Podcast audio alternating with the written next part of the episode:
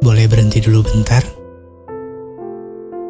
Boleh coba tarik nafas panjang dulu bentar? Lalu coba tersenyumlah tanpa perlu alasan. Kamu diam di situ membunuh semangatmu sendiri dengan 10 alasan tidak penting yang kamu ciptakan di kepalamu sendiri.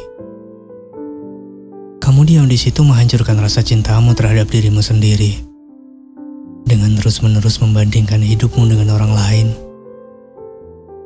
Tulisan ini adalah tanda dari semesta untukmu berhenti melakukan itu semua. Waktu untukmu akan datang. Kesuksesan untukmu akan datang. Cerita indahmu akan datang.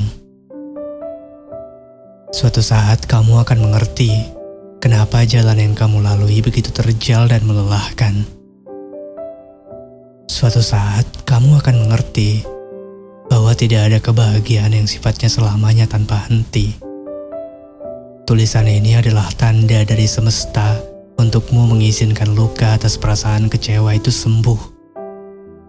Izinkanlah Tuhan menyembuhkan lukamu dengan menerima semua cerita hidupmu, sekalipun saat ini bukanlah cerita yang menyenangkan.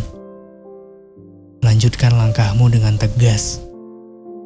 Kamu seharusnya adalah orang yang paling mencintai dirimu seharusnya adalah orang yang paling peduli dengan masa depanmu sendiri.